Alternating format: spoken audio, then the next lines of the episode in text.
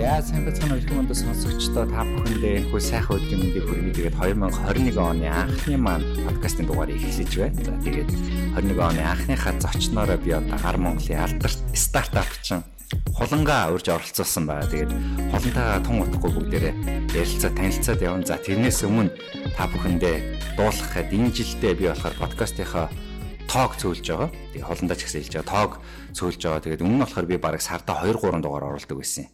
А тэгэхэд сүултээ жоохон завгүй үедээ нэг мэгийг оруулаа. Завгүй сартаа бол бүр ингээд дугаар оруулахгүй ингээд жоохон өнжин явдаг байсан. Гэхдээ миний энэ жилийн нэг том зорилго бол ядаж сардаа нэг дугаар хийх юм байна. Миний подкаст ч одоо 2 жил бараа ингээд явчихж байгаа. Тэгэхээр сардаа ямар ч байсан нэг дугаар хийгээд нэг дугаар хийхдээ ялангуяа энэ жилийн маань дэмэн буюу одоо нэг ерөнхий өнгө ас нь юу байх вэ гэхэд эргээд би стартап руугаа орж байгаа. За эхний хэдэн дугаарууд бол нэлийн стартап хувь хүний хөгжилтэй нийлдэг байсан. За тэгээ сүүлдээ би айгу сонирхолтой зочдыг оруулдаг байсан. За энэжлээс эхлээд би бүр яг илүүтэйгээр стартап руугаа чиглэж эхэлж байгаа шүү. Тэгэхээр бүх сонсогч нарт шинэ оны мэндийг хүргэе. Тэгээд энэ жилийн одоо та бүхний сонсох 12 дугаар бол тэр чигтээ стартапын сонирхолтой сэдвүүд байх болно гэдгийг хэлж байна. Тэгээд юуны мань хуландаа маш их баярлалаа. Шинэ оны мэндийг хүргэе. Миний подкаст нь тавтай морил. За оролцож оролцуулсан баярлалаа. Шинэ он сайхан эхэлж байна уу? Оо тэгэл.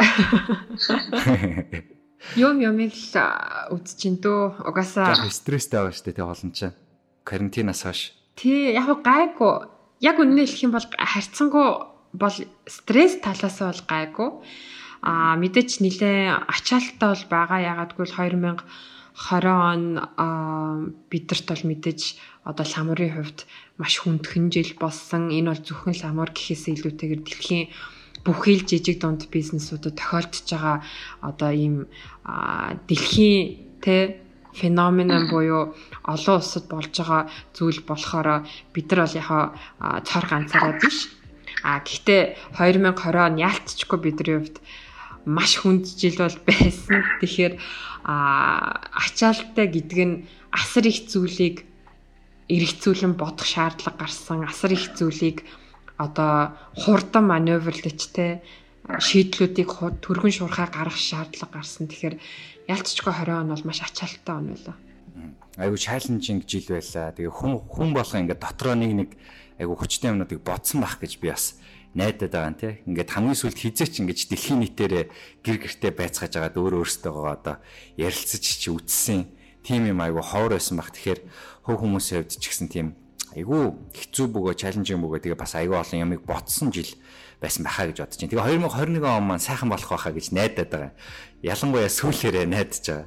Тэгээ ялангуяа бизнесийн хувьд одоо нэлээд хэцүү жил угаасаа боллоо. Тэгээ тэр ч утгаараа би яг хулангийн эхний өдөр эхний дугаар дээр хуланг оруулъя гэд дайрсан. Тэгээ битээ нэлээд тохиолдож байгаад хуландаа би бас нэлээд түүх учруулж агаад ашиг өнөдөр цагаад харуулж агаад хийж ин. Тэгээд яа харахгүй жижиг дунд бизнесүүдтэй хувьд энэ жил бол маш өнгөрсөн жил бол айгүй хэцүү жил боллоо. Тэгээд зөндөө бол ингээ гаргалгаанууд гарч ирсэн те. Тэгээд би асуудлуудыг өнөөдөр маш их асуудлууд байгаа хүн болгон мэдж байгаа. Гэхдээ энэ дээр одоо хулангийн авч ашиглаж байгаа ялангуяа одоо ламорын ашиглаж байгаа ер нь арга нь юу байгаа вэ? Эн чинь нийт сэдв нь болохоор нөгөө дижитал шилжилт гэдэг сэдв явагдаад байгаа шүү дээ. Тэгэхээр яаж ингэж одоо дэлгүүртээ лангуунаас бараа бүтээгдэхүүн зардаг гэсэн дэлгүүр маань илүүтэйгээр онлайн шоп болох тэр замдал нь харагдчихэв нөө хэрэглэгч маань өөрөө сурсан байна уу сураагүй байна уу гэд маш олон асуулт байна. Тэгэхээр хамгийн эхлээд чи яг тэр дижитал шилжилт рүү ер нь ламор хэр орж байна. Тэр талаас яриагаа эхлэдэг хөө.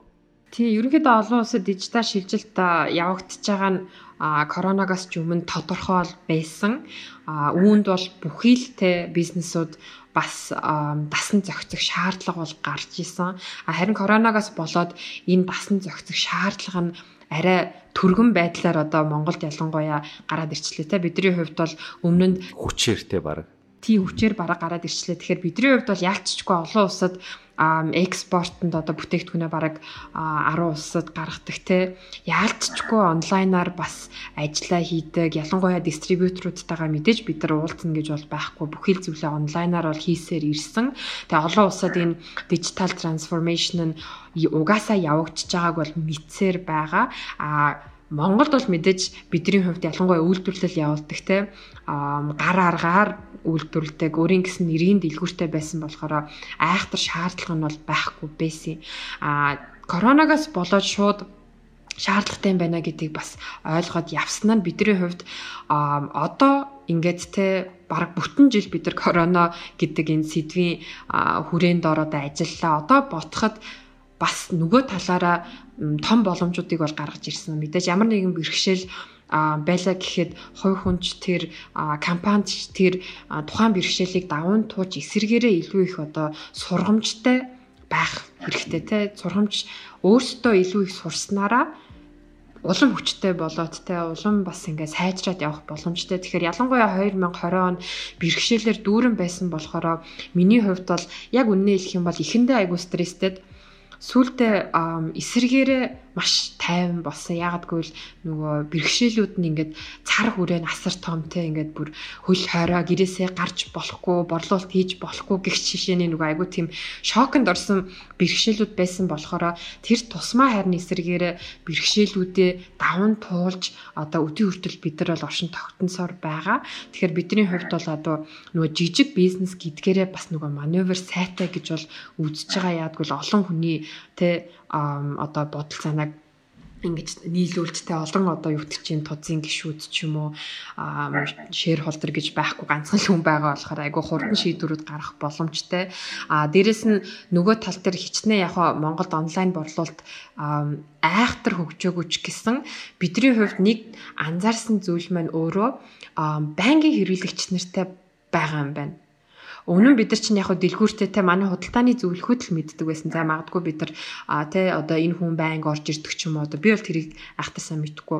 А гэхдээ сая бол яг бүх нэрийн дэлгүүрүүд маань хаагтаа зөвхөн онлайнаар борлуулалт хийн гэхэд маш олон байнгын эрхлэгч нар а угаасаа би танаа кофе скрабыг ашигладаг учраас надад ямар ч асуудалгүй энэ хүргэлтээр авна гэдэг бол асуудалгүй Тэ а угаасаа миний яг саунд дуусчихсан за түл хүргэлтээр авчигээд хүргэлт нь өөрөө яг манай одоо new normal буюу одоо шинэ хэвийн үзэгдэл болж байгаа. Тэгэхээр ялцчгүй бид нар чи одоо 6 жил оршин тогтноотой ингээ байнгын хэрэглэгч нартай болцсон байгаа учраас магадгүй энэ онлайн борлуулалттай хүргэлт нь харьцангуй бас гайгүй байгаад байгаа. Мэдээж шинэ компани ч юм уу одоо шинэ бүтээгдэхүүн байсан бол хүмүүс илүү барьж үзэж те туршиж үзэж ингэж харж үнэрлэж те ингэж авах байх байсан баг. Гэхдээ бидний хувьд бол ямар ч лсэн байнгын хэрэглэгч нартай гэдгээ ялангуяа энэ цаг үед бол ойлгосон нь маш том одоо бас давуу тал бол болсон. Дээрэс нь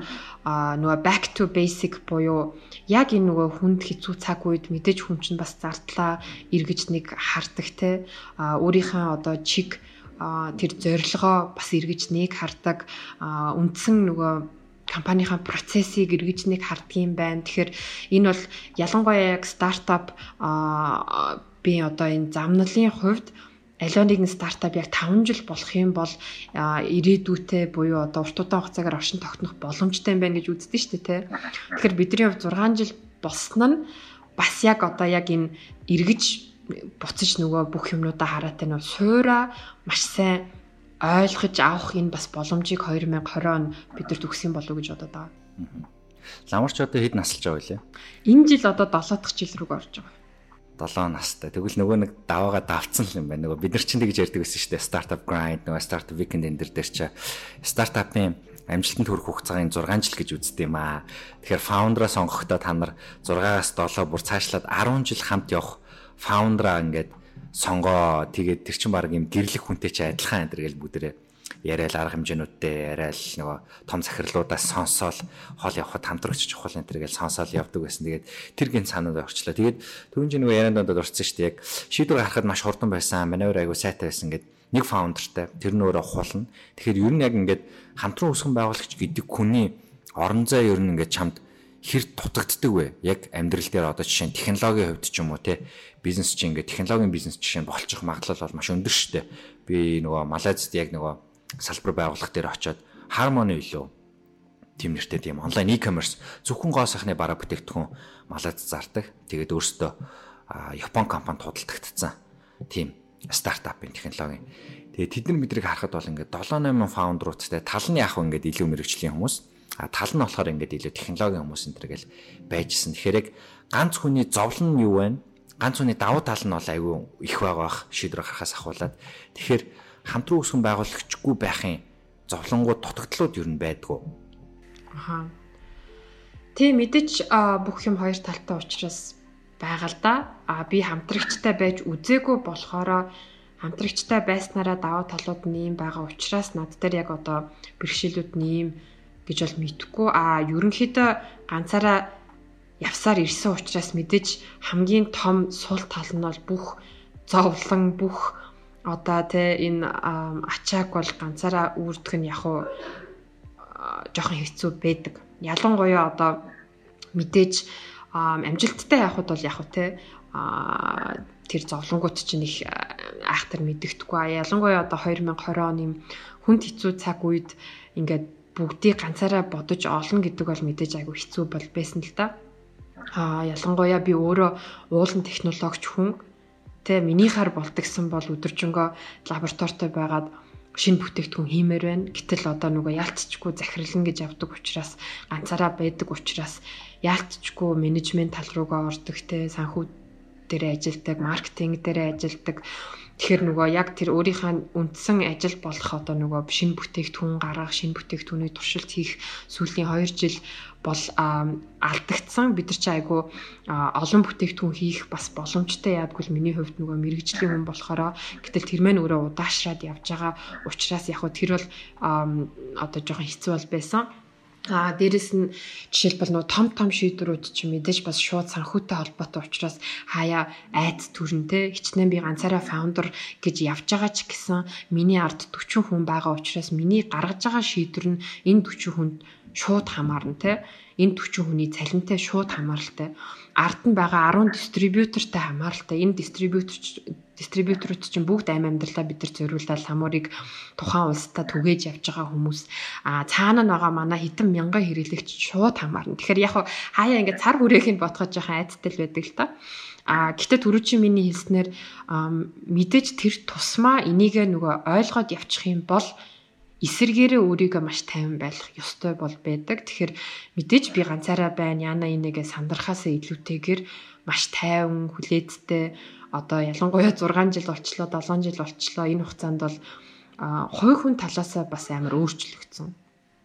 Яалтчгүй 7 жилийн өмнөх хулан маш их айдтай одоо магадгүй сандардаг ч юм уу те магадгүй арай өөр байх байсан бол 7 жилийн дараа туршлагаасаа одоо энийг корона ч баг бидний хувьдтай бас юу ч биш шүү дээ. Бид нар бол асрыг зовлон хөрөнгө амсаж баг жил болгон л нэг юм болж идэг. Тэр нь бол нөгөө ингэж улс орон даяар биш зөвхөн манай компанитай хамааралтай байдаг болохоор хүмүүс мэддэггүй. А ер нь л жил болгон л бэрхшээлтэй л ингээл тулгадаг те. Ялангуяа Монголд үйлдвэрлэл явуулна гэдэг бол бүр айхтар хэцүү байдаг учраас жил болгон л ямар нэг юм болдог те. Бидний хувьд чинь тэгэл хулгаагаас ахуулаад манай бүтэн үйлдвэр чи үерийн усанд автагцаас ахуулаад өстой юм юм л болж исэн те. Нөгөө живжсэн шүү дээ те нөгөө бас хулгай орсон гэл энэ төр гэл. Тий хулгай орж исэн манай үйлдвэр живжсэн тэл жил болгон л юм болж идэг. Тэгэхээр нөгөө яг ингээл угаасаа хүн ингээл иймэрхүү юм чи үзэх тусам улам атуучлалтай болоод улам одоо зоригтой болоод улам тайван болоод явдаг. Тэгэхээр ялцчгүй сул тал нь ганцаараа ийм одоо асуудлуудыг шийдэх тэ а бодож олох. А давуу тал нь бол харин шийдсэн бол айгүй хурдан тэрийг хэрэгжүүлэх.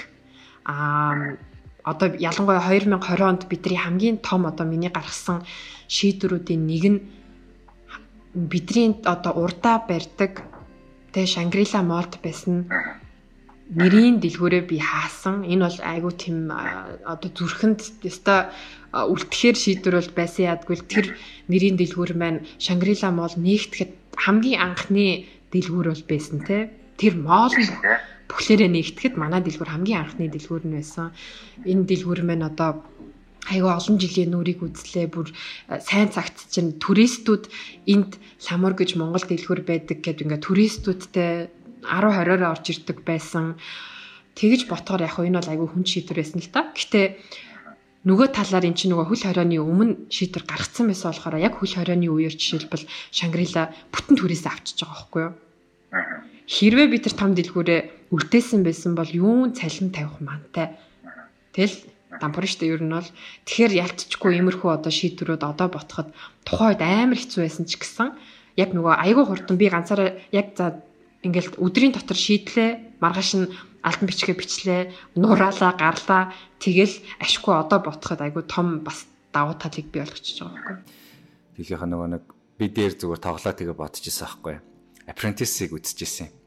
Тэгээд за бидний амьдрал бол зүгээр л өдөр болгон л apprentice юм байна дөө. Тэгээд хаяа нэг хөрөнгө оруулагч энтертэй олцохоор Shark Tank болно. Тэгэхээр миний стартапуудын амьдрал маань өдөр болгон apprentice явагдаал тэгээд хаяа Shark Tank-таа л явагдчихийдэг.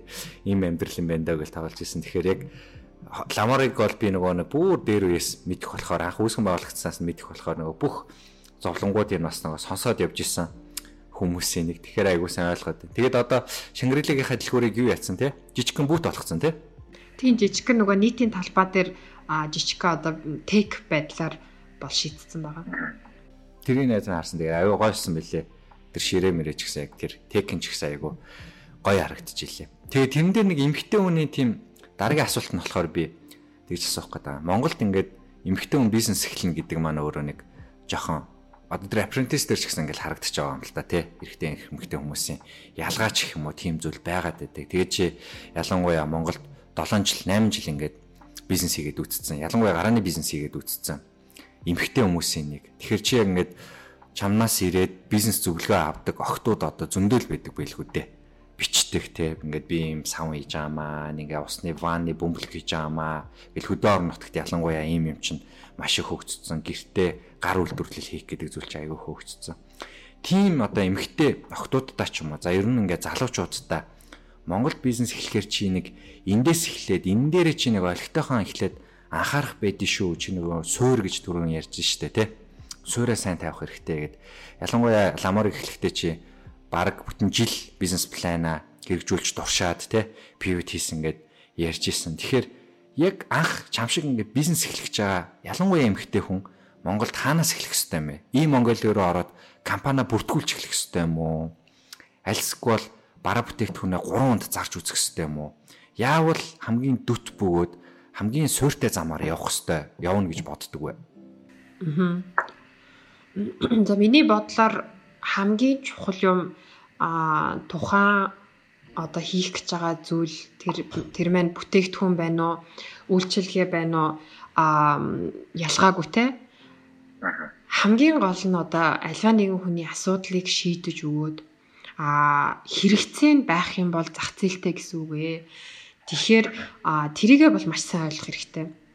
Ягаад гэвэл одоо аяга олон хүмүүс санийтэй хилдгэр жишээлбэл одоо бид нар чинь анх за 7 жилийн өмнө ингээ үсгэн байгуулж хахад анхны ванны бөмбөг те анхны уруул өнгөлтгч гэх тухайд ингээ хинч ингээ сонсоогүй ингээ гайхаал энэ үгүй баг юу яриад байгаа гэдэг нэг тийм хандлага хэрэглэж үзээгөө те Тийм монголчууд юу уруул өнгөлөгч яриад байгаа нь те Монгол хизээ уруул өнгөлөгч хийдэг байсан ч юм уу нэг тийм хандлагатай бол байдаг байсан. Мэдээж энэ 7 жилийн дотор бараг л одоо те 20 30 эн тэнд ингээл мэрсэр олон уруулаг лашвааны бөмбөг их зэрэг юмнууд бол гараад ирж байгаа. Энэ бол айгүй сайн ягаад гэвэл энэ бол зах зээлийг бий болгож те а одоо зах зээл угаасаа манай Монгол хичнээн цөөхөн үнтэй ч гэсэн цөөхөн үнийг бол хизэж бас нөгөө басч болохгүй те эн чинь нэгэн л улс орон болохоор зах зээл бол байгаа гэсэн үг. А тэрэн дээр яг хөө зүгээр гоо сайхны бүтээгдэхүүнч тэр бусад зүгээр бизнесүүдийг харахад ч тэр яг оршин тогтноод ингээд амжилтаа яваад байгаа нь нэг дандаа алсын хараатай байгаад байгаа. Яг зүгээр л би нэг бүтээгдэхүүн өнөөдөр хийгээ зарах биш. Энэ бүтээгдэхүүнээрээ дамжуулж би юу юу хийх гээд байгаа юм те. Би цаашлаад энэ компаниараа дамжуулж юу хийх гээд байгаа гэдэг нэг айгу том чухал зүйл бол байгаад байгаа алсын хараа. А нөгөөх нь болохоор хэрэгцээ. Мэдээж тэрийг чи хүн авахгүй бол чамд бизнес байхгүй те. Тэгэхээр нөгөө энэ алсын хараа хэрэгцээ хоёрыг маш сайн нийлүүлээд тэрийг ойлгочих юм бол яста нөгөө юуч а одоо гарч ирсэн ч тэрийг даван туулах бол боломжтой. А асын хараагаа тодорхойлоогүй дээрэс нь одоо те жишээлбэл яг л адилхан уруул өнгөлөгч хийгээд угаасаа энэ уруул өнгөлөгч хаа сайгүй байдаг хүн одоо тэр их чи хараад өө энийг одоо өөр биш юм байна гэх юм бол тэгэл тэр чин зах зээл нь байхгүй гэсэн үг те. Тэгэхээр аливаа нэг юмыг хийхдээ шинжлээд эсвэл одоо арай нэг өөр жоохон онцгой байдлаар хийдэг ч юм уу те. Ядчил одоо сав баглаа богдлын арай өөр хийдэг ч юм уу. Эсвэл за энэ уруулан өглөгч дотроо за би тэгвэл яг ийм хүмүүст зориулж хиймээр юм ч юм уу те. Хүүхдийнхийг. Эсвэл настай хүмүүс их ч юм уу те. Одоо нэг арай жоохон өөр юмыг барьж авахгүй бол нөө угийн байдаг юм дээр ямар ч алсын хараагүй ингээд ороод ирчих юм бол жоох юм гарахаар бүдрээл унаал те. Одоо хэцүү санагдаад ингээд болох магадлал байгаа. А нөгөө талаар яг нөгөө олон улсад тэр ингээд сүүлийн үед айгүй амжилттай байгаа юм чинь ниш маркет руу ордог те ниш гэдэг нь айгүй тийм онцгой юм дэлхийд даяар одоо энэ олон тий нарийн сегмент дэлхийд даяар энэ олон тэрбум хүн байхад жишээлбэл одоо тий маш онцгой юм гаргалаа гэхэд яг тэрийг чи хүсэн хүлээж исэн хүмүүс зөндөө байгаа. Тэгэхээр яг нэг тэр талаас нь л одоо Монголд ялангуяа юм хийвэл амжилтанд илүү хүрэх юм шиг санагдаад байгаа. Ядвал Монгол бол нөгөө хурдан юмыг ингэж одоо адапт болж чаддаг те нөгөө манай хэрэглэгч нар чинь айгу мундагч хурдан хүлээж авдаг гэсэн үг шүү дээ те. Маш хурдан хүлээгээд авч одоо уруул өглөгч бол ердөөсөө сонирн биш болчиход байгаа байхгүй те. Тэгэхээр яг нэг тийм шинэлэг арай өөрөөр ингээд бодоод арай тэр нөгөө хэрэгцээ нь ингээд яг нэг асуудал дээр нь тулгуурсан байдлаар л хийчих юм бол боломжтой. Тэгсэн сүж тэр одоо компаниа бүртгүүлэх мөрт тиймэрхүү юмнууд асуудлууд өстой 2 хоногийн юм байдаг те. Төлөвлөгөө мөлөөлөө гар тиймэрхүү юм дөрвөл нэг тийм айхтар цаг заваа хандуулах шаардлагагүй илүү л яг л тэр нөгөө суур концепт тэр нэг суур те үндсэл айгу зүйл гарах юм шиг санагдаж байна. Яаш, өстой сайхан хариултанд баярлалаа. За дараагийн асуулт нь бид нөгөө нэг ер нь анх удаа сонсож байгаа хүмүүстээ бас танилцуулахад би ламорын хадруугсан байгуулагч хулантайгаа одоо подкаст хийж байна. Тэгээ нааг болохоор продюсерэн гэдэг. Би болохоор өөр юм стартапуудтай хамтарч ажилладаг venture builder юм компани хамтран үүсгэн байгуулад явж байгаа. Тэгээ дотроо манайх одоо юм 5 технологийн бизнестэй 20 онд бид нар 5 технологийн бизнестэй болсон. E-commerce байгаа. Яг саяны ниш гэдэг шиг тийм юм зардаг. Гэрүүгээд манай marketplace байгаа. Зочил зэг shop гэдэг одоо олон улсын Shopify юм да модель нь те. Shopify байгаа манай ламорынхаа ашиглаж байгаа гэх мэтлэн ингээ стартапуудтай би харьцаад явдаг хүнийхээ үүднээс иймэрхүү сэдвийг бас түлхүү ярьдэн шүү. Тэгээ бид хоёрыг бол маш олон стартапууд сонсож байгаа. За тэрнээс илүүтэйгээр бас маш олон бизнесүүд сонсож байгаа, залуучуудад сонсож байгаа, контентын бизнесж орсон хүмүүс маш их сонсож байгаа. Тэгээ бид нар нөгөө хөдөө орон нутгаар ингээд сургалт хийгээл те. Эсвэл хотод сургалт хийгээл бизнесүүдтэй яриад явхаараа би ламарын жишээг амар их татаж ярьдаг л да. Маркетинг дээр ялангуяа а брэнд хөгжүүлэлтэн дээр. За та нар ингээд ламар гэдэг гоё брэндэ хараатах гэж баг загнаж байгаа тий. Ламорын хулан гэж ингэж явдаг аа. Сквал хулангийн ламор гэдэг юм нэг таш юутай параллел шугамтай хоёр нэр маань явдаг. А бизнесийн үүсгэн байгуулагч нь өөрөө тухайн бизнесийнхаа ингээд нүүр царай ингээд тодтоглон тий. Ламорын хулан гэд ярихад одоо хинч мэддэг тийм үү. Тэгээд хулан гэдэг хүн ламорыг эхэлсэн байна. Би ингээ хулан гэдэг хүнд баг итгэдэг болохоор энэ бизнесээс одоо баг юм худалдаж авах гэдэг жишээ хүртэл брендинг дээр байдаг байхгүй. А тэнгуү зарим бизнесүүд бол ингээд хин юу гэсэн ч мэддэхгүй зүгээр юм бренда урталтаа гаргаж ирдэг ч гэсэн аргачлал зөндөө байдаг шүү дээ. Тэгэхээр энийг би чамаас асуумаар санагдаад байна. Ер нь яг юм ламор гэдэг брендийг чи өөрөө юм тактиктаар гаргаж ирвүү эсвэл юм нэг айдуухан өөрөө аясаараа явж байгаад юм олны юу болчихвоо танил чимэг болчихвоо тэгээд юм ламарын хулан гэдэг нэр ер нь чи яг тактиктай гаргаж ирсэн үү эсвэл ингэж явсараа гараад ирчихв. Тэрэн дээр бол ямар ч тактик байгаагүй. Аа миний миний яг бодлоор а яалтчгүй би ганцаараа байсан болохоро тухайн бизнесмен одоо нэг хэсэгт нэг хэсэг яг л одоо нэг хүн дээр л суурилсан юм байна гэдгийг одоо айгүй олон хүмүүс ойлгосон те а яалтчгүй ганцаараа байсан яалтчгүй түрүү чи миний хэлдэхээр одоо Монгол анхныхаа уруулан өглөгчийг хийлээ те Монгол анхныхаа одоо бааны бөмбөгийг хийлээ. Хуяана савн буцаж хийдэг болцсон байж юу вэ? Хоньны сүлний тустай савн яана олон улсад гарлаа. Эн чинь нөгөө хийж байгаа үйл маань уул нь айгүй сонирхолтой байсан боловч яг ингээд нөгөө тэр хийж байгаа одоо юмны арт хэн байдгийм бэ гэдэг хүмүүс нэлээд сонирхт юм бэлээ те а Хэрвээ яг би зүгээр байгаа юмыг хийсэн бол магадгүй нэг сонирхгүй байх байсан баг. Угийн байдаг юм их те. Тэг тэгвэл яг бүтээгдэхүүнэн шинэлэг тэгээд хүмүүс өө ийм шинэ бүтээгдэхүүн гаргачлаа. А яалччгүй нөгөө зах зээл одоо нөгөө салбар нь баг бүрэн гүцэд байхгүй юмн дээр бид нар юм хийгээд тэр нь цаашлаад ингээ экспорт экспорт гарсан чинь хүмүүс аа гайхаж ихэлсэн яадгүй л тухайн үед чи одоо 7 жилийн өмнө яг намайг эхэлж хахад яг тийм стартап entrepreneurship гэж яригддаггүй байхад хүмүүс жоохон гайхаад идэг үсэ.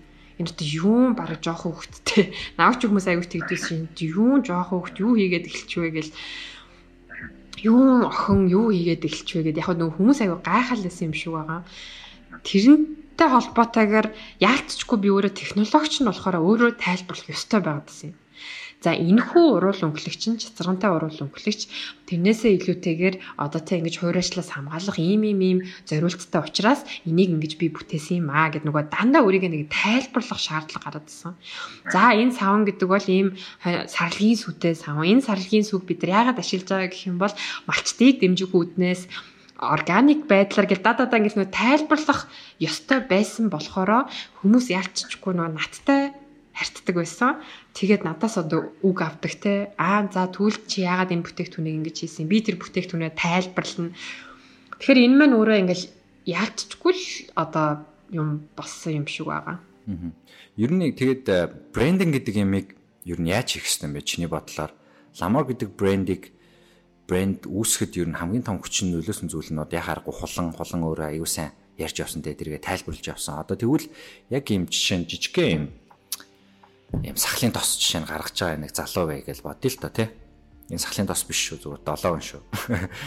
Тэгэхээр ийм жижигхэн брэнд гаргаж байгаа хүн маань ер нь брендинг гэдэг зүйлийг хийгээд явах хэрэгтэй уу? Эсвэл зүгээр л пара бүтээгдэхүүнээ чанартай хийгээд явж явах хэрэгтэй уу? Тэр тал дээр чиний бодол юу байдаг вэ?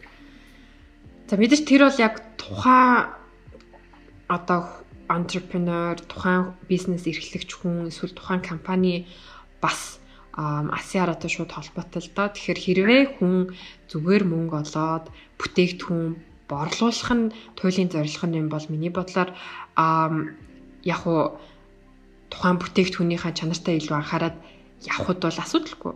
А гэхдээ мэдээж альва нэгэн бүтээгдэхүүн шууд тухайн бас компанитай хамааралтай те түрүү хэллээ итгэл гэдэг юу айгүй чухал байдаг.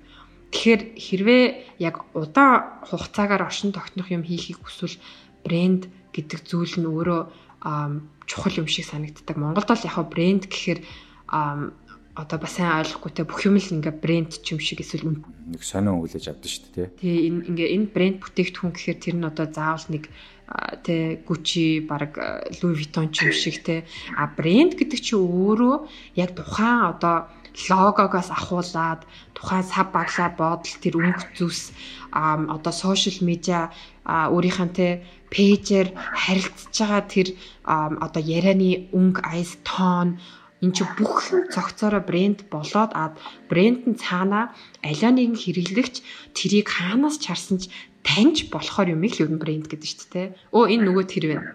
А тэгсэн чинь хүмүүс нэг бүтээгдэхүүнийг энэ юу юм болдоо гэх юм бол чи брэнд биш. Болоогүй л гэсэн үг шүү дээ. Тэгэхээр брэнд гэдэг нь хямдхан байж ч болно. Одоо H&M гэдэг чинь брэнд болчлоо.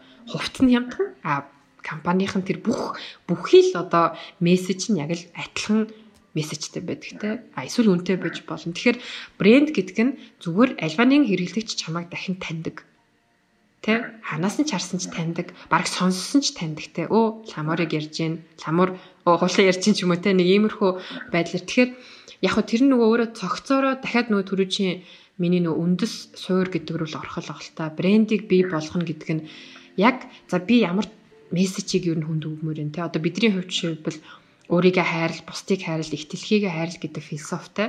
Тэгэхээр энэ мессежийг бид нар цаг баглаа бодлоосоо ахуулаад түүхийн идээсээ ахуулаад үйл ажиллагааны явцаасаа ахуулаад сүултээ фейсбુકийн пост хүртэл яг энэ мессеж адилхан мессежийг л өгөх хэрэгтэй. Тэгэхээр яг хуу ялцчихгүй жоохон хэцүү анханасаа ингэ бодож олно гэд а хэрвээ гэхдээ алсын хараа нь гарчих юм бол миний бодлоор энэ мэн өөрөө ингэж баг багаартай ингээ би болно тэрэн дээр нэг айхтар санаа зовоод би одоо яана яг брэнд үүсгэх ёстой би одоо бүх юм бичих ёстой биш.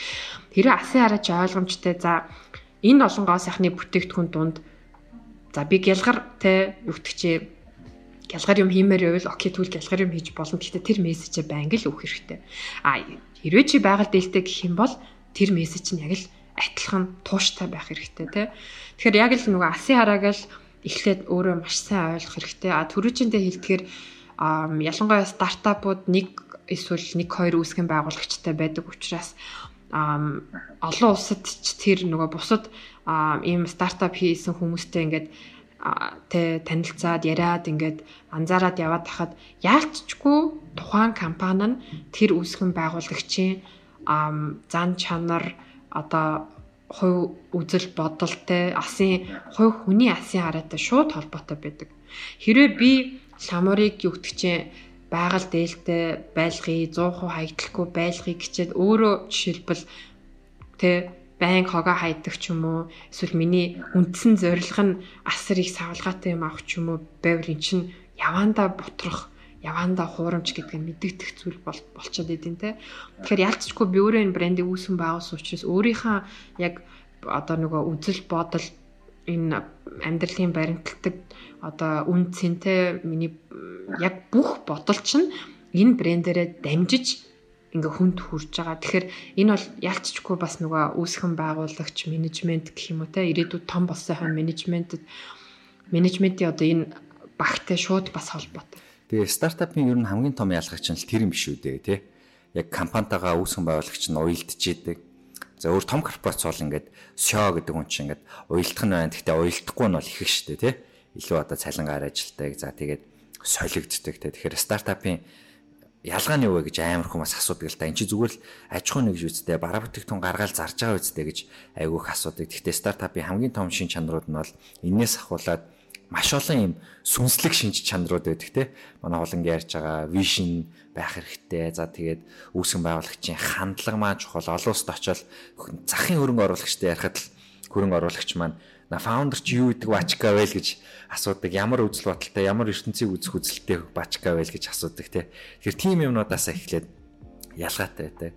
За тэгээ миний дараагийн асуулт нь болохоор айгүй тийм газарт буусан хариултуудыг би чамаа бас өгөөсэй гэж хүсмээр байна л та. Тэнгүүт жишээ нь одоо ингээл гэрте ганц хоёр бараа бүтээгдэхүүн гаргаж байгаа хүмүүс байгаа. За зөвхөн гоо сайхан биш ингээл бит бараа бүтээгдэхүүн гаргадаг гэж төсөлч тийм олон хүмүүс зөндөө байгаа. Жижиг дундууд. Тэгээ тийм хүмүүс маань ер нь ингээд хаана яаж очиж борлуулалт хийх хэрэгтэй юм бэ? Чи одоо ингээд 7 жил ингээд Монголын хөндлөн тууллаа шүү дээ, тий. Үзэсгэлэнгүүдээр ингээд битүү орсон байх, энд тэнд яриа хийгээл явсан байх. За ийм арт дотор ингээд зарж үзлээ. Бараа бүтээгдэхүүнээ ингээд Монголд зарахад ер нь хаана хаана очиж заашгүй уулзаад ямар ямар дэлгүүртээ уулзсан байх хэрэгтэй юм бэ? Бит бараа бүтээгдэхүүнтэй хүн. Тий, ялангуяа эхний 2 жил бид нар ч нөгөө дэлгүүргөө байсан юм чаа бүхий л баг дэлгүүрүүдээр тавьж үтсэн. Тэгэл шууд л мэдэгдэм байлээ дөө. Яг аа тухайн мэдээж дэлгүүрнтэй ямар хэрэглэгчд хүрэхийг хүсэж байгаа тэр нь чиний ямар хэрэглэгчд хүрэхийг хүсэж байгаа хоёр чинь л яг л адилхан байх хэрэгтэй.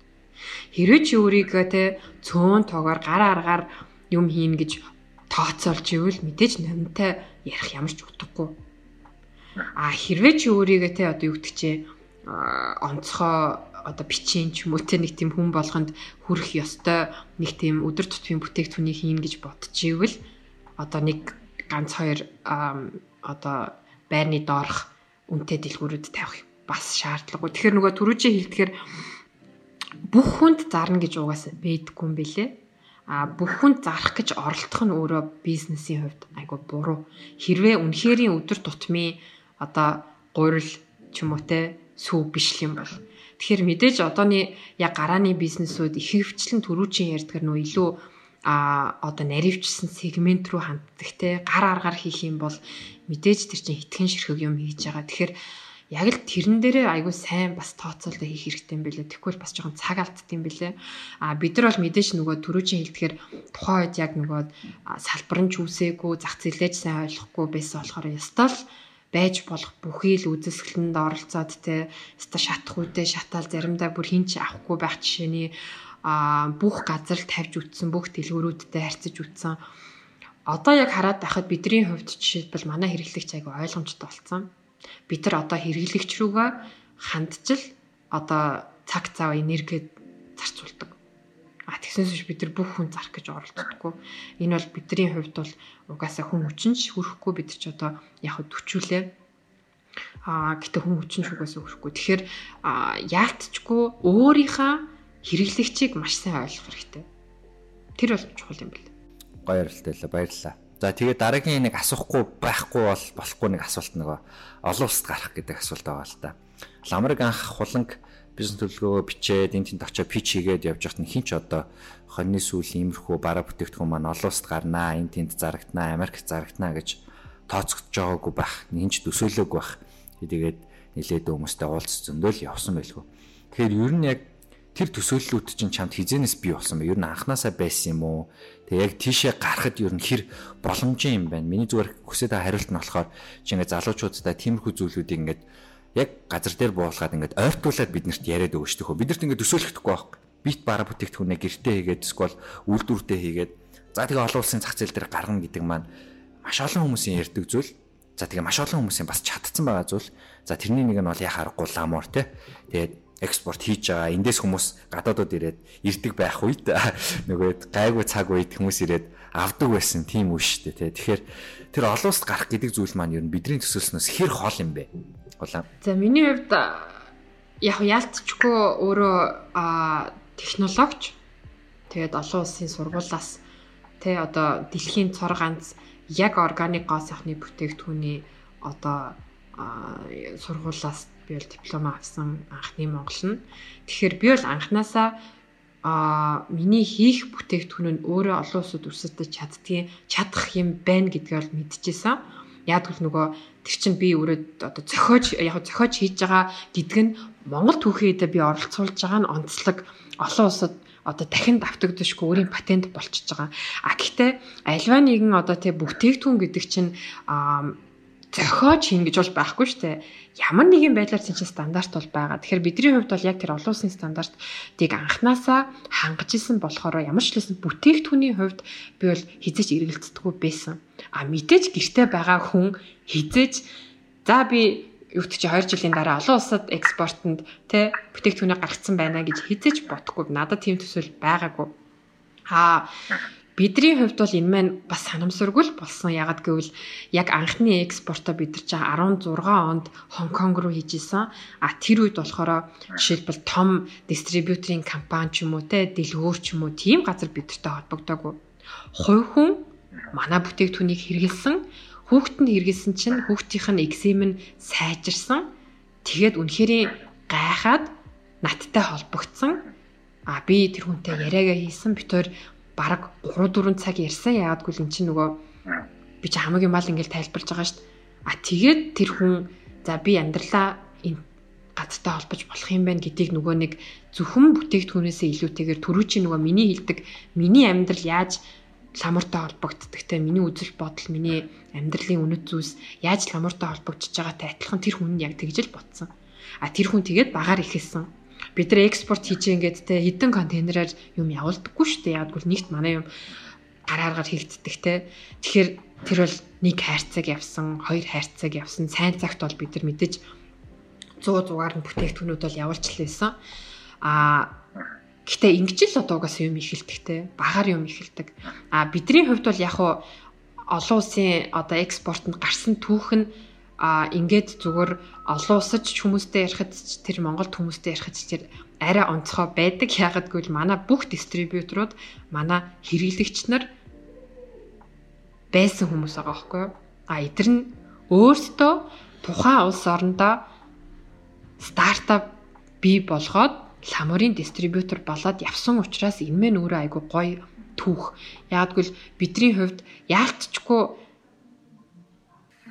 Тэгээд манай хувьд энэ нь айгу тийм одоо гоё зүйлийг бас бий болгож байгаа. Ягагтгүй л одоо Монголд байгаа те а одоо Монгол залуучуудаас болоод хаа байсан Сингапур, Австрал, Таиланд те Хонконг, Японд хүмүүс гарааны бизнес эрхэлж эхэлж гин гэдэг чи өөрөө айгу гоё зүйл болчихж байгаа байхгүй. Бид нар бол мэдээж өдөр тутмынхаа тэ ажилдаа дарагдаад энийг хизэж боддггүй. А энийг би хизээд нь бодож эхэлдэг вэ гэх юм бол ийм ярилцлага өгөхөд хаяа ингээд хүүе нэрэ манахаас болоод хүмүүс хаа байсан те гадаадаа стартап хийгээ явж шít. Тэр хүн өөрөө entrepreneur болоод явж ш гэж ботхоор бас айгүй гайхалтай байдаг л та. Тийм тэгэхээр бидний хувьд бол яалтчгүй манай хэрэглэгч нар а дистрибьюторууд болсон нь өөрөө айгүй сонирхолтой л бол байдаг. Гоё сэдв байна. Тэгээд а яг залуучуудад хэлмээр байгаа юм та нар үнэхээр шанартай бараа бүтээгдэхүүн хийгээд гүйцэтгээд яриад эхлэх юм бол ялангуяа юм ковидын нөхцөл байдалд онлайн худалдаа гэдэг зүйлээр ялангуяа эрт орж e-commerce гэдэг зүйлээр эрт орж чадах юм бол манайх шиг юм юу шиг зочил шоп энэ шиг иймэрхүү стартапууд технологийн шийдвэр хөчлөөлтөө. За тэгээ удахгүй англи хэл дээр гарна англи вебсайттай болно нийт тийшээ шипинг хийдэг болно мал ингээд тэгэхээр e-commerce гэдэг зүйлээр эртгэн орох юм бол олон улсад худалдаа ийн гэдэг маань айгүй ойрхон шүүл гэж энэ талаас нь би бол бодоод байгаа. За технологи нь бол бэлэн байна. Бараа бүтээгдэхүүнээ чи сайн чадах юм бол олон улсын зах зээл бол ойрхон байна гэж хэлж байгаа. За тэгээд дараагийн асуулт нь одоо ингээд Ламор гэдэг брендийг Ламор гэдэг компанийг чи ингээд удирдаад 6 7 жил явлаа. Тэгсэн чи ингээд Ламор гэдэг брэнд биш компани маань стартап маань өөрөө ямар суурьтай тэгээд ямар ийм соёлоор явах компани юм шиг байна. Жишээ нь ярих юм бол одоо ингээд зарим компаниуд ч юм илүү менежер суурьтай компаниуд аягүй байдаг. Аягүй сайн менежерүүдтэй тийм менежерүүд нь аягүй сайн авч явдаг. Урдаа гарч ирдэг. За альсгүй аягүй сайн үүсгэн байгуулагчтай гэдэг ч юм уу. Эсвэл тийм дотоод систем нь сайн буюу одоо ийм уламжлалт CRM систем янз бүрийн юуны шийдвэр гаргах ийм уламжлалт аргачлалуудыг суйрлуулсан компаниудаас маш их байдаг л да. Тэгэхээр ер нь ийм Lamar гэдэг брендийг одоо харахад эргээд харахад яг энэ хүртэлх авч явсан тэр зарчим нь уг суурь нь систем нь юу байсан юм шиг байна. Ямар менежмент байсан юм шиг байна те. Тэрэн дээр чиний бодол юу вэ? За бидний хувьд бол одоо 7 жил 7 дахь жил рүүгээ орж байгаа. Тэгэхээр миний зүгээр 7 жилийнхаа одоо энэ түүхийг харах юм бол яалтчгүй эхний 3 4 за магадгүй 5 жил нь а үүсгэн байгуулагч одоо над дээр суурилсан бол байсан. Ягдгүй бид нар цөөхөлөх нэ те.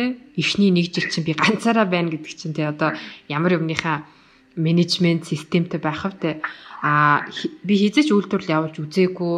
Хизээч өөрийн гэсэн компанитай байж үзээгүй болохоор а систем гэдэг юм их ч ойлгох ойлгох одоо тийм боломж бол надад байгаагүй.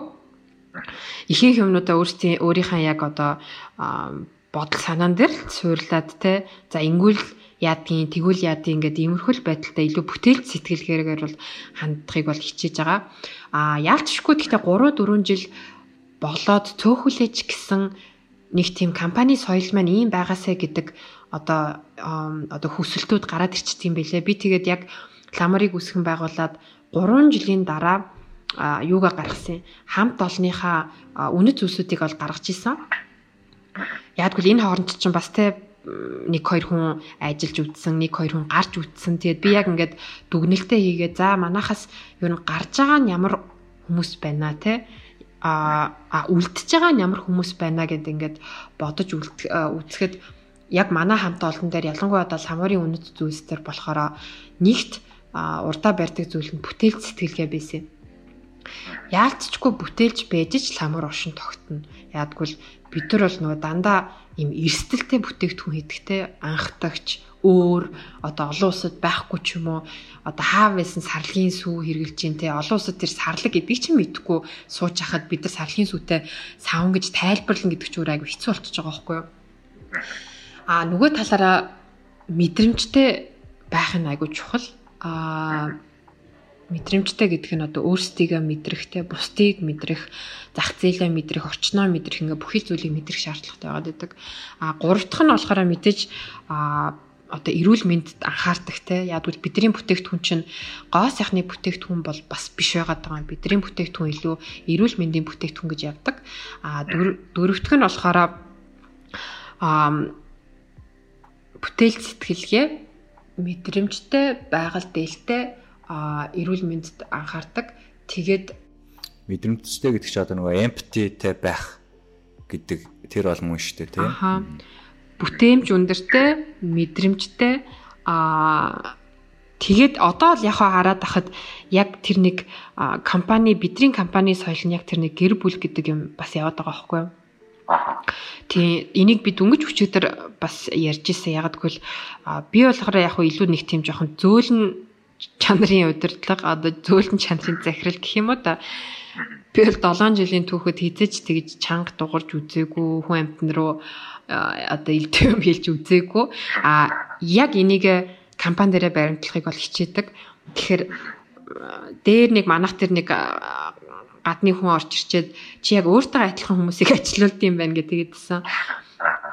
Тэгэхээр манай компани соёл бол яг нэг юм хоёр дахь гэр бүл аа тэ нээлттэй байж болохоор одоо компани хаалгаар орж ирэхэд хүн тэр стресс бусад бухимдлаа хаяад за ядчил би ажил дээрээ тайван байж болохоор юм байна гэдэг нэг сэтгэлгээтэй те а нөгөөх нь болохоор мэдээж би нэг юм хийж бүтээж байгаа шүү гэдэг бас юм одоо филинг байхаар ядггүй бид нар ч одоо дөнгөж өсөж байгаа хөгжиж байгаа компанитай тэгэхээр одооний энэ байгаа бүх хүн энэ одоо бий болгож байгаа системэнд гар бие оролцож байгаа учраас айгүй бас том хувь нэмэр оруулж байгаа.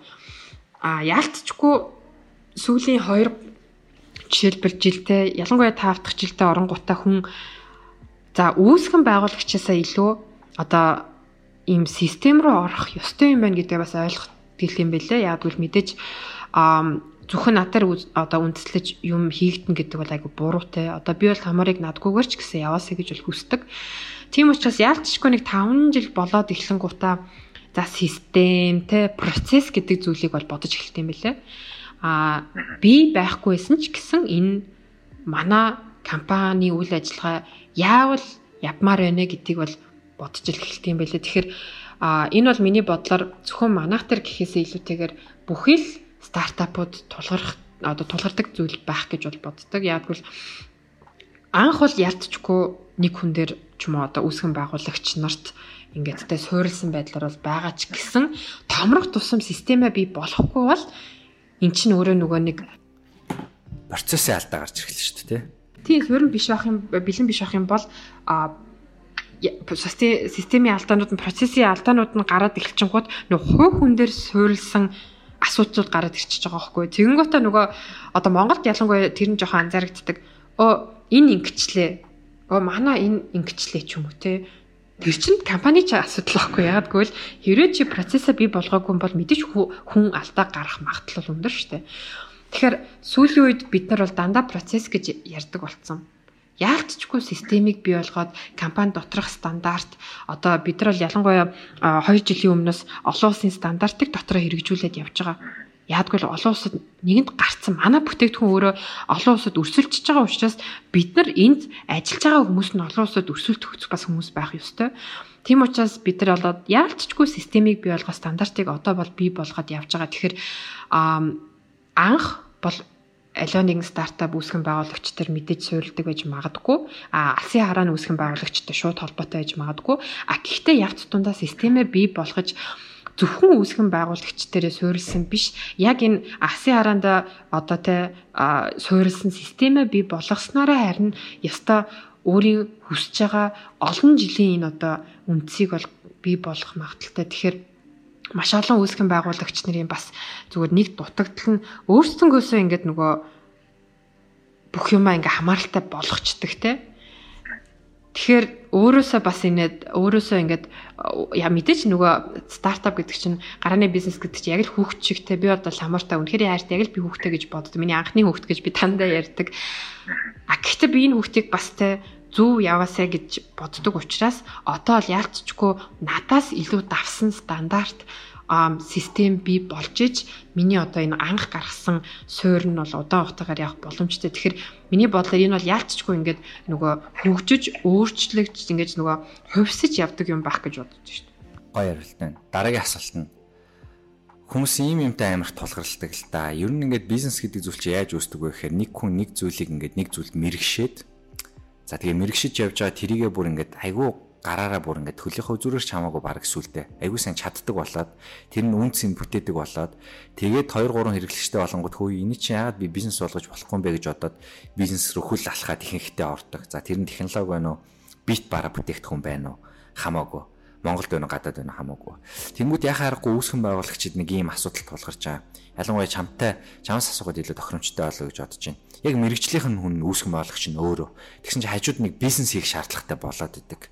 А тэнгуү чи чинь лабораторитой суугаад уг нь ингээд гоё юмаа шинэ бараа бүтээгдэхүүнээ бүтээлч байдлаар ингээд хиймээр байдаг. А тэгсэн чи хажууд нь ингээд татвар тайлан нягтлан бизнес хийн одоо энэ яриад байгаа процесс энэ төргээл хаалгадах шал айгүй хэцүү байдаг л да. Тэнгүүд хүмүүс угаасаа хоёр юмыг ингээд амар сайн хийж чадахгүйгээс хойш нэг тал руу илүү давмгаалдаг. Нэг бол ингээд хамтран үүсгэн байгуулагч аваад за чи бизнесээ аваад яваа. Би болохоор код авчихдээ Эсвэл чи бизнесээ аваад яв. Хүмүүстэй очиод уулзаад хөрөнгө оруулагчтай пич хийгээд. А би болохоор зүгээр сайхан бараа бүтээгдэхүүнээ энд төгс нухаад байж яа гэдэг шийдвэрүүд дийлэнхтэй гардаг. Ялангуяа миний эргэн тойронд. Тэр нь хулан маань энийг яаж зохицуулж чинь? Чи бизнес руугаа ер нь хэрэг орж ийн эсвэл ингээд жилээрээ хязгаарлагдаж гин үү? Ер нь яаж энэ шийдвэрүүдийг гаргаж байна? Аль тал руугаа бас илүү хэлбэж гин? Бизнес үү лаборатори? Тийм, түрүүн хэлсэнчлэн сүүлийн үед бол илүү бизнес болоод байгаа. Би бол а яг хөө эмэгтэй хүнийхээ хувьд бас нэг мэдээж одоо том зүйл бол хүүхэд гарахаараа гаргахаараа яалтчгүй нөгөө өөрийн биеэр те ажил дээрээ бол байх боломжгүй байл байдаг. Энэ үед юун лаборатори мантай бол байсан. Тэгэхээр эмэгтэй хүний хувьд ялцчгүй нэг жил ерөнхийдөө нэг тэгэж бас алдагдчихдаг юм шиг байгаа. Аа тэгээ бизнес томрох тусам асуудлууд томордог. Би ганцаараа байдаг байхад өдөртөө бүтээгдэхүүнийхэн туршилтыг хийгээд тайлангаа гаргаад сошиал медиагаа хариуцаад ямар ч асуудалгүй байдаг байсан. Аа маш олон хүмүүс яг нөгөө амжилтыг айгүй хүсдэг мөртлөө амжилт ирэх тусам компани томрох тусам асуудлууд томордгийг бас тооцоолдгүй те. Тэгэхэд асуудлууд томрох тусам а мэдээж нөгөө саяны систем, процесс гэх мэт юмнуудыг бодолцох шаардлагатай байдаг. Тэгэхээр миний хувьд бол ялангуяа сүүлийн 2 жил илүү тэрэн дээр анхаарлаа хандуулсан. Аа тэн дээр бол яг уу би бол өөрийгөө нэг ийм хүн юм байна гэдэг дүгнэлтүүдээ бас энэ хооронд бол хийсэн байгаад байгаа. Би ямар сул тал. Ямар хүн юм шиг байна. Аа би бол жишээлбэл яг санхүүгийн хүн бол биш. Би бол тэрийгэ мэддэг. Аа энэ бол миний сул тал. Би нэгтлэн дээр айгүй бас асуудалтай байдаг байсан нөгөө өөрөө сайн мэдхгүй учраас нэгтлэнгээ хянаж мэдхгүй ойлгохгүй те би одоо нэгтлэнгээс ийм ийм юм шаардах ёстой гэдгээ мэдхгүй амьдралтаа тайлан идэр гаргаж үзээгүй. Тэгэхээр тиймэрхүү юмнуудаар жишээлбэл яг л явц дундаа л ойлгодог юм бэлээ. За би нэг ингэх байсан юм байна, ингэх байсан юм байна. Тэгээ угаасаа л хүн туршлагаараа бас одоо гарааны бизнес гэдэг чинь ста нөгөө learning by doing те хизээч өмнө нь төсөөлөхгүй юмыг амьдралд анхудаа хийж одоо татвар матвар те одоо нийгмийн даатгал юу юу бүр нөөт мөөдтэй бүр амьдралаа бодоогүй юм миний одоо сүүлийн үед толгойн гол баг өвчин болчихж шít. Тэгэхээр яалтчгүй айгүй хурдан тэн дээр нөгөө дүгнэлтүүдээ гаргах нь бас зүг юм бэлээ. Өөрөө жишээлбэл үнэхээр тэр тал дээр суул юм бол тэрийг маш сайн хурдан ойлгоод тэрийг хийж чаддаг хүнийг нь ажилуулах хэрэгтэй эсвэл хамтрах хэрэгтэй. Тэ одоо саяны хэлдгээр за би кода бичээ. Би өста бизнес тал дээр муу төл бизнесийнхаа хүнийг оруулж ирье. А эсвэл за юу тэр хүнийг ажилуулъя ч юм уу те. Тэгэхээр энэ бол айгүй чухал юм байлээ. Тэгэхгүй бол нөө өөрөө ингээл гүрийгээл за за би нэг үзье ч юм уу. За яг хөтэ би хийж чадна ч юм уу те. Ингээд иймэрхүү байдалтай хандаад байвал маш их цаг алдсан сүултээ эн чинь нөгөө яалтчгүй компани оршин тогтно гэдэг чинь цэвэр санхүүтэй бас холбоотой байдаг. Тэгэхээр айгүй олон шийдвэрүүд мөнгө дагуулдаг те мөнгө эсвэл алдна эсвэл мөнгө олно гэдэг юм байгаад байгаа болохоор цаг алдаж болохгүй. А өөрийнх нь сул тал ялангуяа үүсгэн байгуулагч тал дээр өөрийнх нь сул тал болно одоо давуу талуудыг маш сайн ойлгох хэрэгтэй. Би болохоор өөрийгөө технологи тал дээр одоо бүтээгдэхүүнийг би хийж чадна. А маркетингч гэсэн би одоо хүндээ хүрэх чадна. Яг би энэ бүтээгдэхүүнийг өөрөө хийсэн учраас те хүндээ хүрэх чадна гэдгийг бол мэддэг учраас тэр тал дээр анхаарлаа маш сайн хандуулсан. Аа би өөр англи хэлтэй. Тэгэхээр би дийлэнх хугацаагаа гуглдж өнгөрүүлдэг. Олон улсад юу болж байна? Тэ? Хаана ямар шинэ одоо бүтээгдэхүүн гарч ийн хаана ямар одоо шинэ дэвшилтэт технологи гарч ийн хаана одоо чиг хандлага нь өөрчлөгдөж ийн би бүгдийг нь өөрөө судалдаг тэр нь бол миний бас даваа тал а нөгөө талаар жишээлбэл яста нөт мөөдтэй тиймэрхүү юмыг би амьдралтаа бодоочгүй бүр бодонч гэж төсөөлөөгүй Тэн дээр одоо бол би 7 жилийн дараа гэхэд маш сайн одоо нэгтлэнтэй бол болсон байгаа даа тий. Тэгэхээр иймэрхүү яг нөгөө яста нөгөө өөрийнхөө мэдтгүй юм аа мэдхгүйгээ хүлээн зөвшөөрч а мэддэг хүнээр нь хийлгүүлнэ л гэдэг чинь баг хамт олны чинь утга учир. Баг гэдэг чинь өөрөө яаж үүсэж ийнө гэх юм бол өөр өөрийн гэсэн онцлогтой мэдлэг чадвартай хүмүүс чинь л бие бинийгээ ингэж те нөгөө нөхөж байж идэг. А хэрвээ чи бүгдийг хийж чаддаг байсан бол чам баг хамт олдо хэрэггүй.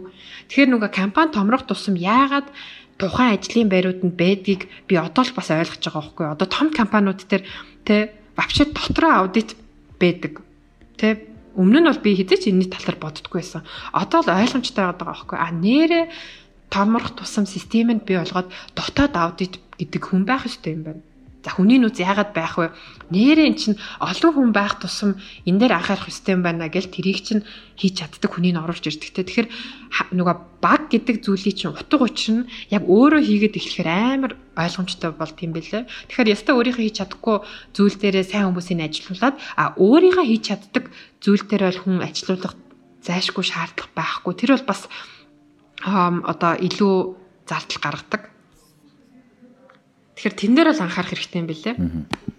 За тэгвэл сүүлийн асуулт нь холаа тэгээд юуны өмнө сүүлийн асуултаа яхаас өмнө асуухаас өмнө маш их баярлалаа гэж хэлмээр байна. Тэгээд би ламарын угаасаа хэрэглэгч тэгээд Монгол улс даяараа ламар брэндэд угаасаа талархах ёстой. Тэгэхээр маш их баярлалаа. Өнөөдрийн зочноор оржоод бүр маш их баярлалаа.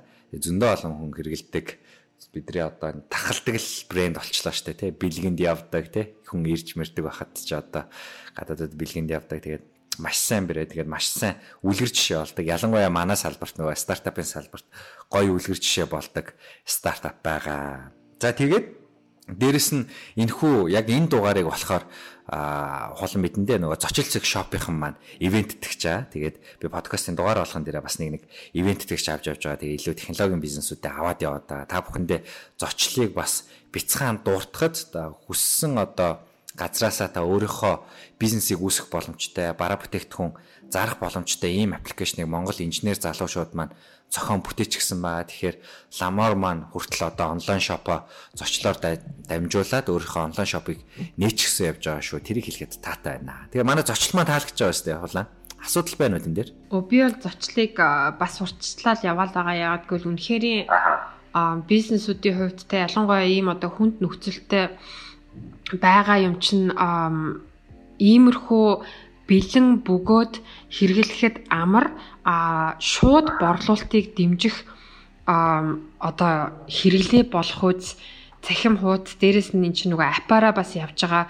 Энийг хийсэн залуучуудтай бүр талархснаа илэрхийлье. Тэгээд ялангуяа жижиг дунд бизнесүүд а зочлыг хэрэглэх юм бол маш хялбархан, маш амар цагийг чинь барахгүй эсэргээрээ харин ч одоо борлуулалт хийхэд те тэр мэдээллийн сан эдрийг үүсгэхэд маш хэрэгтэй байгаа шүү. Тэгэхээр манайхан бүгд зочлыг сонирхоорой гэж бас үгээр хэлмээр байна. Тэгээд татаж аваарай. Татаж аваарай. Ашиглаад маш их баярлалаа. Ашиглаарай, татаж аваарай. Тийм байна. Тэгээд анхны хэрэглэгчид гэдэг маань өөрөө айгүй чухал. Тэгээд зочлын маань анхны одоо early adopter-сууд энийг маань ламаар болсон бас айгүйх талархаж байгаа баярлж байгаа шүү. За тэгээд сүүлийн асуулт маань хөрөнгө оруулалттай холбоотой. Тэгээд миний бас нэг хардаг зүйл нь ламар маань өөрөө бас яг юм стейжээр хөрөнгө оруулалт босгож явдггүй одоо төрлийн бизнес шүү дээ тий. А технологийн нэг зарим стартапууд бол илүү ингээд стейжээрээ шууд Series A B-гээ явцдаг. Альсгүй бол би мэдэхгүй байна уу? Ер нь ламар маань хөрөнгө оруулалт талдаа яаж явдаг вэ? Тэгээ энэ хөрөнгө оруулалт гэдэг талдаа татрах нэг асуулт нь болохоор ер нь хөрөнгө оруулагчтай стартапууд маань ингээд хизээ тулах ёстой вэ чиний бодлоор? Одоо ихэнхдээ залуучууд маань ирээл хамгийн түрүүнд асуудаг зүйл нь танаа дээр хөрөнгө оруулалт байгаа мó, мөнгө байгаа мó, надаа санаа байна гэл дайрал хийрдгэлтэй. Тэгтээ бас ингээл цөөрөл байгаа яах вэ? Тэгэхээр энэ хөрөнгө оруулалт дээр чиний боддог бодол юу вэ? Ламарын хувьд хөрөнгө оруулалтууд маань бас яаж явагддаг вэ?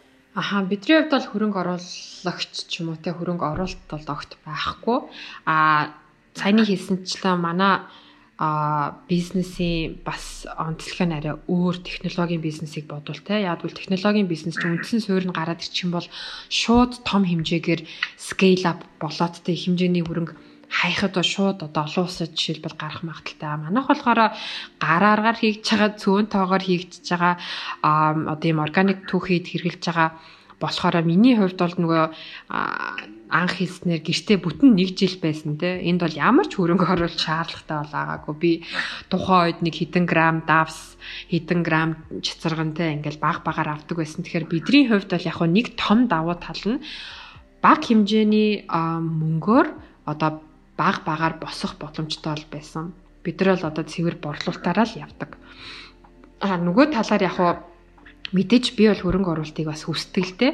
Ягагтгүй л айгүй их нөгөө бодож сансан, зорьсон толгоондоо тэ одоо мөрөөддөг айгу олон зүйл бол байгаад идэг учраас мэдээж хөрөнгө оруулалт одоо би ястал нөгөө нэг мөнгөтэй байсан бол ингээд ингээд ингээд бараг алаа хийчих байсан те ингээд ингээд би ингээд хийчих байсан гэдэг юмнуудыг бол мэдээж бас боддог а гэхдээ одоо 7 жилийн туршлагаа авч үтсэх юм бол а тэрэн дээр бол бас нэг яарад байх нь надад бас яарахгүй байсан дээр санагдаад байна. Ягагтгүй л суур нь хэрэг бэлэн биш байх юм бол хөрөнгө оруулалтыг мянга татлаа гэд тэр чинь өөрөө амжилтгүй байх юм бол айгүй том эрсдлийг дагуулна те. А суур чинь бэлэн болох юм бол хөрөнгө оруулалтыг чи яаж ийг л татчихна зээл аваад ч юм уу те төсөл бичээ чи мөнгө авчин а түрүү нөгөө хөрөнгө оруулагч нартай уулзаад хин нэгэн чамд өөрөө санал эсвэл тавьчин тэгэхээр манайх төр бол яг хуу хит хитэн газруудаа санал тавьж л байсан л да а би тэгтээ яг нөө суура бат бөх болгоогүйсэн болохоор бас жоохон эрсдэлтэй гэж үзээд хүлээж аваагүй юм А одоо 7 жилийн дараа надад бол жишээлбэл хөрөнгө оруулалт татхад ч юм уу те эсвэл зээл хөөцөлдөхэд бас илүү одоо дүхэн болчихж байгаа. Яагадгүй л одоо бол би ямар ч лээсэн энэ одоо суур нь бат бөх болцсон учраас энийгээ дараагийн левел руу би авч явж чадна гэдгийг мэдээд байгаа учраас одоо хөрөнгө оруулагч тэ болно гэдэг чинь айгүй том хариуцлага дагуулж байгаа шүү дээ. Тухайн мөнгийг чи зөв зориулттайгаар зарцуулж зөв байдлаар зарцуулж эсэргээрээ тухайн хөрөнгө оруулагчтай үр өгөөж нь өгөх хэрэгтэй. Тэргээ чи илүү бүртээ ингээд их болгож иж бүчи буцаж өгнө штэ. Тэгэхээр яатчгүй нөгөө бэлэн байдал байна уугүй юу гэдэг нь бас ботгол асуудал юм байлээ. Тэгэхээр хоёр талтай хэрэг чи мундаг санаатай байх юм бол мэдээж хөрөнгө оруулалт татах нь айгүй зүг. А гэтэл тухайн санаа нь үнэхээр улс суурьтай зах зээлтэй хэрэгцээтэй байна уу гэдэг дахин бас нэг бодолцсны дараа мөнгө татаж авах тал дээр яг одоо дөрвтэй арга хэмжээ авсан нь зүгээр санагдаад байгаа. Баярлалаа. Тэгээ сүүлийн асуулт байлаа. Маш их баярлалаа. Өнөөдөр бол яг холонгийн нөгөө түүгүүдээс яринуудаас зөндөө олон стартапуудын зөвлөгөөг манай сонсогчид нар маань авсан байх гэж бодож байна. Би ч гэсэн өөр аяг байхгүй сурлаа. Аа тэгээд хамт яриа өрнүүлэхэд бас таатай байлаа. Дээрэс нь бас баяр үргэмээр байна. Монгол улсынхаа хүн хөгжлийн хөгжилд те хувь нэмэр оруулсан байгаа халандаа гэр бүлтэй болсон те бүл нэмсэн байгаад бас баяр үргье. Тэгээ манай манай community нэг стартапын community донд ч одоо борлогддог хүмүүсийн цөөхөн шүү дээ. Тэгэхээр нэг нь ч ихсэн амжилттай борлогдоод бүл нэмээд явсан нийт стартап community-ийнхаа зүгээс одоо баяр хүргэмээр байна. Тэгээд бизнест нь олон их баяр амжилт хүсмээр байна. Тэгээд цаашдаас зөндөө олон яриануудыг битээр хийх байхаа гэж бодож байна. Тэгээд бүх сонссон хүмүүстээ амжилт хүсье. Оны анхны дугаар байлаа. Тэгээд та бүхэн асуулт сэтгэл байх юм бол заавал бичээрэй.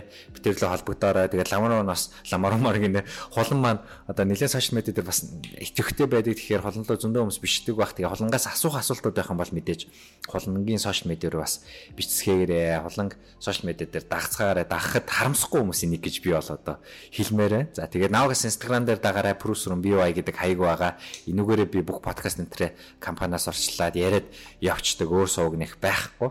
Тэгээ холондоо бас энэ жилд нь амжилт хүсье. Тэгээд хамгийн гол амжилтаас илүүтэйгээр баг 21 оны хүсдэг зүйлүүд чинь нөгөө эрүүл инх байгаарэ. Тэ 20 он шиг бити тийм гинт гинтийн зүйлүүд гарч ирээсэ гэдэг 20 21 онд бүгдээрээ 50 байя гэдэг зорилгоодыг тавиад байгаа шүү дээ, тэ холондоо маш их баярлалаа. Тэгээд эцсийн хэдхэн моментыг подкастынхаа эцсийн хэдэн моментыг холондоо үлдээмээр байна. Тэгээд подкастаа дуусгая.